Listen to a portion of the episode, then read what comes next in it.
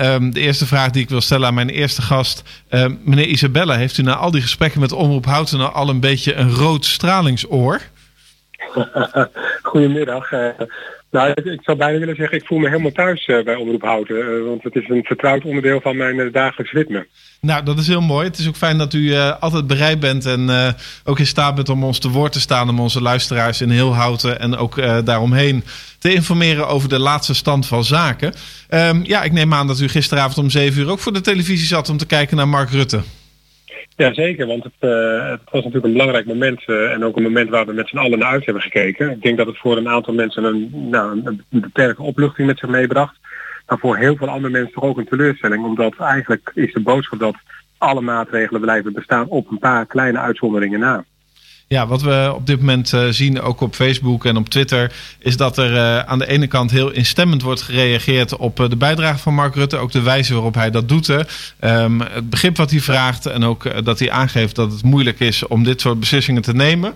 Um, en aan de andere kant begint zo langzamerhand heel voorzichtig her en der er toch ook wel een klein beetje kritiek te ontstaan. Omdat mensen natuurlijk steeds langer in deze situatie zitten en ook de gevolgen daarvan steeds meer ondervinden. Um, ja, een van die kritiekpunten is dat die jongeren aan de ene kant straks uh, voor de helft naar school mogen. Dat wil zeggen, de ene helft van de klas uh, uh, een paar dagen in de week en de andere helft ook een paar dagen in de week. Maar dat ze wel tegelijkertijd mogen sporten op het sportveld in wat grotere groepen. Um, hoe, hoe zit dat nou precies? Wat vindt u daarvan? Ja. Nou, nou kijk, wat ik, wat ik zelf toch maar even de woorden van de, de, premier herhaald. Voorzichtigheid nu is beter dan spijt achteraf. Hè. Dat is denk ik ook de insteek geweest van het kabinet. En dan zie je tegelijkertijd met al die, uh, al die maatregelen die met elkaar in verband staan, dat ze uh, op een paar kleine dingen ook wat inconsequent lijken te zijn. Hè. Laat ik het voorzichtig zijn. We hebben als burgemeesters ook al deze vraag ook weer uh, richting het regionaal beleidsteam gebracht. Hè, waar al dit soort zaken ook voor de burgemeester worden afgestemd onder leiding van de burgemeester van Utrecht, hè, onze regio-burgemeester. dit, dit, dit, is er zomaar één. wel je kinderen naar school mogen sturen om de dag. Uh, en ze ook toe mogen laten staan. Hè? Kinderen tot 12 jaar dat ze buiten met elkaar mogen spelen en sporten. Uh, onder begeleiding van een club. Uh, ja, hoe behoudt ze dat tot elkaar? Ja, ik weet het niet. De, de, het kabinet heeft deze keuze gemaakt op basis van allerlei adviezen van deskundigen. En ook in overleg met de schoolbestuur. Hè? Want het zal ook te maken hebben met gewoon kun, kunnen de scholen het allemaal aan. Dit is eruit gekomen. En we gaan zien wat dat betekent de komende tijd. Ja, ik uh, snap uw woorden. Ja, kijk, ik heb begrepen dat er in dat uh, regionale of bovenregionale beleidsoverleg onder andere ook is gesproken over de vraag van zou je niet bepaalde culturele instellingen uh, inmiddels kunnen openen. Ik heb het dan bijvoorbeeld ja. over een museum. Als je kijkt naar het ja. Rijksmuseum, daar kun je toch redelijk goed, um, omdat er in bijna iedere zaal normaal gesproken wel supposed te staan, kun je de crowd, om het even in het Engels te zeggen, redelijk managen. Um, en zo zijn natuurlijk wel meer musea en instellingen waar je op zich met enige moeite uh, wel dingen zou kunnen regelen. Maar de minister-president heeft er wel iets heel belangrijks over gezegd. En dat betekent, dat, dat is dat zodra je dit soort voorzieningen weer openstelt, die dus eigenlijk niet de lokale functie hebben, maar ook bovenlokale. Een, een Rijksmuseum trekt mensen vanuit de hele wereld aan, om het toch maar nog keer zo te zeggen. Dat geldt ook voor andere musea. Ja, dan krijg je allerlei reisbewegingen op, op gang. Dan komen mensen meer op straat. En de oproep is toch nog steeds van dit kabinet en de richtlijn. Blijf zoveel mogelijk thuis. Werk vanuit huis. En als u niet op straat hoeft te zijn, blijft u dan ook echt binnen. Uh, en dat is natuurlijk wel de kernboodschap die eronder ligt. Hè. Al die maatregelen zijn nog steeds van kracht. Uh, houd anderhalve meter afstand als je in de buitenruimte bent. Maar het liefst doen we dat niet met elkaar. Dus ja, als je dan een museum openstelt, dan roep je en dan nodig je eigenlijk uit aan mensen van komt u maar naar buiten, gaat u maar op pad, hè? gaat u maar het OV in of gaat u maar in de auto zitten met een aantal mensen. Dat kan op dit moment niet. Nee. Er is nog steeds geen medicijn tegen het virus. Het enige wat we kunnen doen is zorgen dat het virus niet verder komt en niet verder wordt overgedragen. En daar zijn deze maatregelen voor opgericht en ook voor bedoeld. Ja, wij gaan uh, straks verderop in deze uitzending ook nog even praten met Joost Uiterwaal van de Houtse Ondernemersvereniging. Um, ja, ik kan me voorstellen dat als je ondernemer bent in Houten, dat je dan hebt gedacht van nou, een paar weken, ja. oké, okay, nog een paar weken. Um, maar ondertussen zie je natuurlijk ook wel een beetje je bankrekening uh, leegraken. Omdat op een gegeven moment van de ene maand naar de andere maand de huur wordt geïncasseerd. Je moet je personeel uitbetalen. Dus uh, verwacht u nou dat in deze ronde, om het maar even zo te noemen, uh, dat dat veel Houtse ondernemers ook de kop gaat kosten? Nou, ik hoop het niet. En ik hoop dat, dat we met elkaar zo kunnen regelen. Dat ook onze lokale horecaondernemers, maar ook andere ondernemers, onze ZZP'ers, dat we het met de rijksmaatregelen, want we, er komt ook een nieuwe ronde weer van steunmaatregelen vanuit het kabinet. En ik hoop eigenlijk dat we ook vanuit de lokale gemeente, die uh, ook uh, het kabinet natuurlijk met allerlei vragen bestoken om daar rekening mee te houden. Wij hebben ook aangegeven dat, dat er ook oog en zorg zou moeten zijn voor onze lokale kleine ondernemers. Uh, die toch op alle mogelijke manieren proberen met alle creativiteit die ze hebben. En we zien er ook in Houten hele creatieve voorbeelden van. Uh, dat we toch proberen om ook met de steunmaatregelen uit het Rijk en wellicht aangevuld met nog een aantal lokale maatregelen, dat we de ondernemers op de een of andere manier een steuntje in de rug kunnen blijven geven, dat ze die periode kunnen overbruggen. Want daar gaat het natuurlijk om. Ja, ja ik, ik snap dat. Maar, dat. maar dat het een hard gelach is voor onze ondernemers en voor al die andere partijen die nog steeds niet open mogen vanuit het kabinet, dat snap ik natuurlijk ook heel goed. Ja, want, Uh, zien, want je ziet, het, om- je ziet het door je vingers heen glippen. En dat is natuurlijk niet waar je aan, aan ge- gewerkt en gebouwd hebt. Het is vaak levenswerk van mensen waar we het over hebben. Ja, precies. En je ziet natuurlijk ook dat er toch wel wat mensen eh, wat verzeild raken in bureaucratische eh, systemen. eh, verkeerd ingeschreven bij de Kamer van Koophandel. eh, geld wat misschien verkeerd is overgeboekt naar de verkeerde rekening. eh, dat soort zaken. Eh, is het nou zo Ik dat. hoop dat, ik hoop dat dat de uitzonderingen zijn hoor. Want eh, volgens mij wordt er zowel vanuit het Rijk en zeker ook vanuit eh, de gemeente geprobeerd om eh, alle flexibiliteit eh, te, te hanteren die we nodig hebben om, eh, om mensen een helpende hand te bieden. Ja, want ik neem aan dat de ondernemers ook nog wel steeds kunnen bellen met de gemeente en daar ook te woord worden gestaan. Ze worden, de, er is gewoon bezetting. Onze contactpersonen richting organisaties, maatschappelijke dan wel ondernemers zijn gewoon allemaal aan het werk. Weliswaar vanuit huis, maar er is gewoon contact mogelijk. En we hebben natuurlijk ook een coördinatie corona.houten.nl ingesteld om ook je vragen per mail nog naar ons toe te kunnen sturen. Dan zorgen we ook dat het direct wordt uitgezet bij de betreffende adviseur en dan komt het met een advies richting het bestuur. Ja, helemaal goed. Laten we eens even kijken naar wat praktische zaken. Ehm, het sporten. We hebben in eh, Houten een aantal sportvelden. eh, in de elleboog, of hoe je het ook wil noemen, aan de, aan de zijkanten van Houten. Ehm, daar is nu de, de regel dat eh, jongeren daar wel met elkaar mogen sporten. Ehm, ouderen niet. Ik neem toch aan dat jongeren ook wel moeten worden begeleid door een oudere. Hoe gaat dat precies? Is het de gemeente die nu de sportverenigingen gaat benaderen en gaat uitleggen wat daar de bedoeling is? Of moeten de sportverenigingen dat zelf uitvinden? Hoe, Nou, eh, het, mooie werkt is dat, eh, het mooie is dat eh, de vraag die u nu stelt inmiddels natuurlijk direct is opgepakt door onze wethouder sport. En die heeft vanmiddag al overleg met de besturen van een aantal grote sportverenigingen. Juist om te kijken, want er is door, de, door het kabinet gezegd, gemeente pakt nou die regie.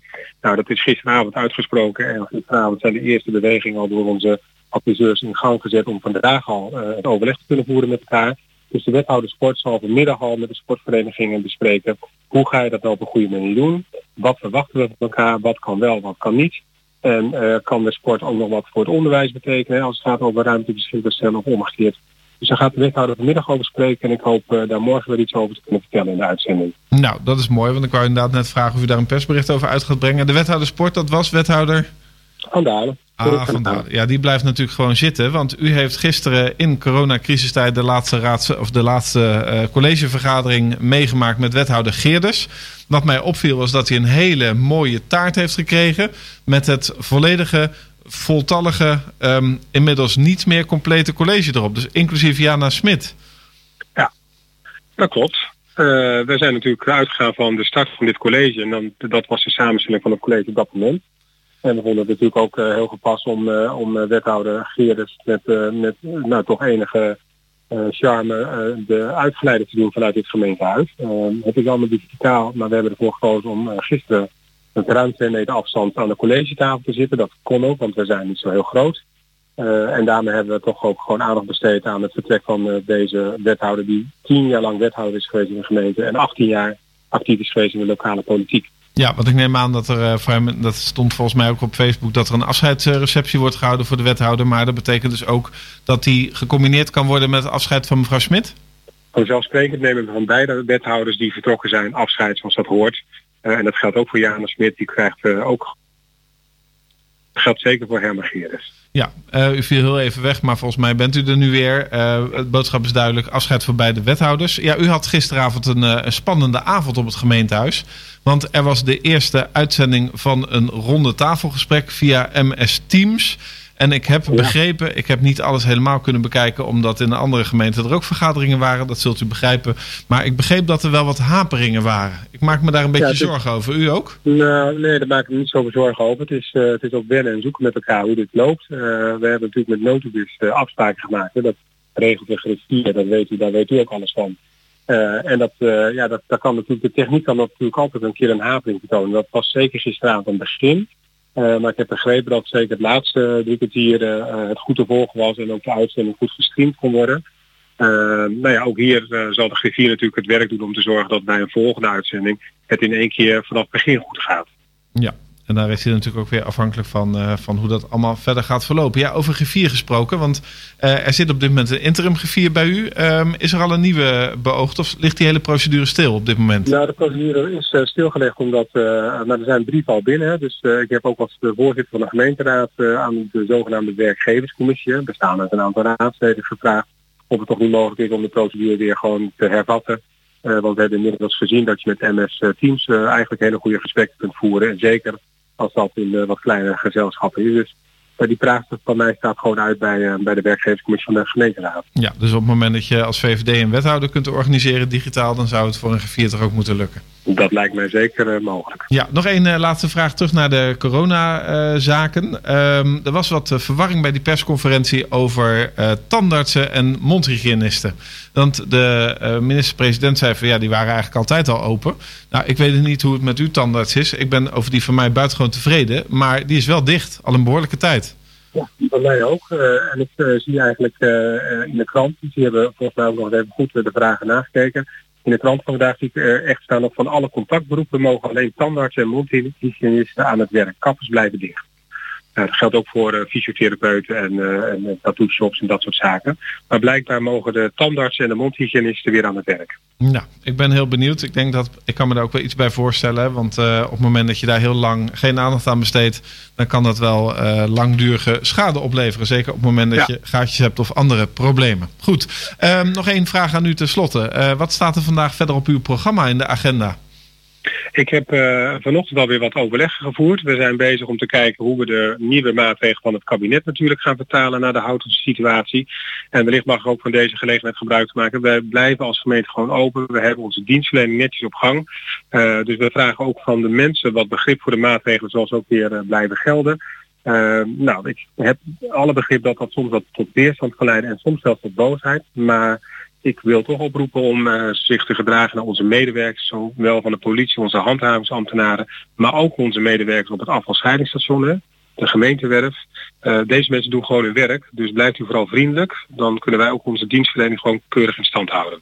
Nou, lijkt me een mooie afsluiting van uh, dit interview. Wederom hartelijk bedankt. En graag, graag tot de volgende keer. Burgemeester Isabel, burgemeester van Houten. Tot morgen. Fijne middag.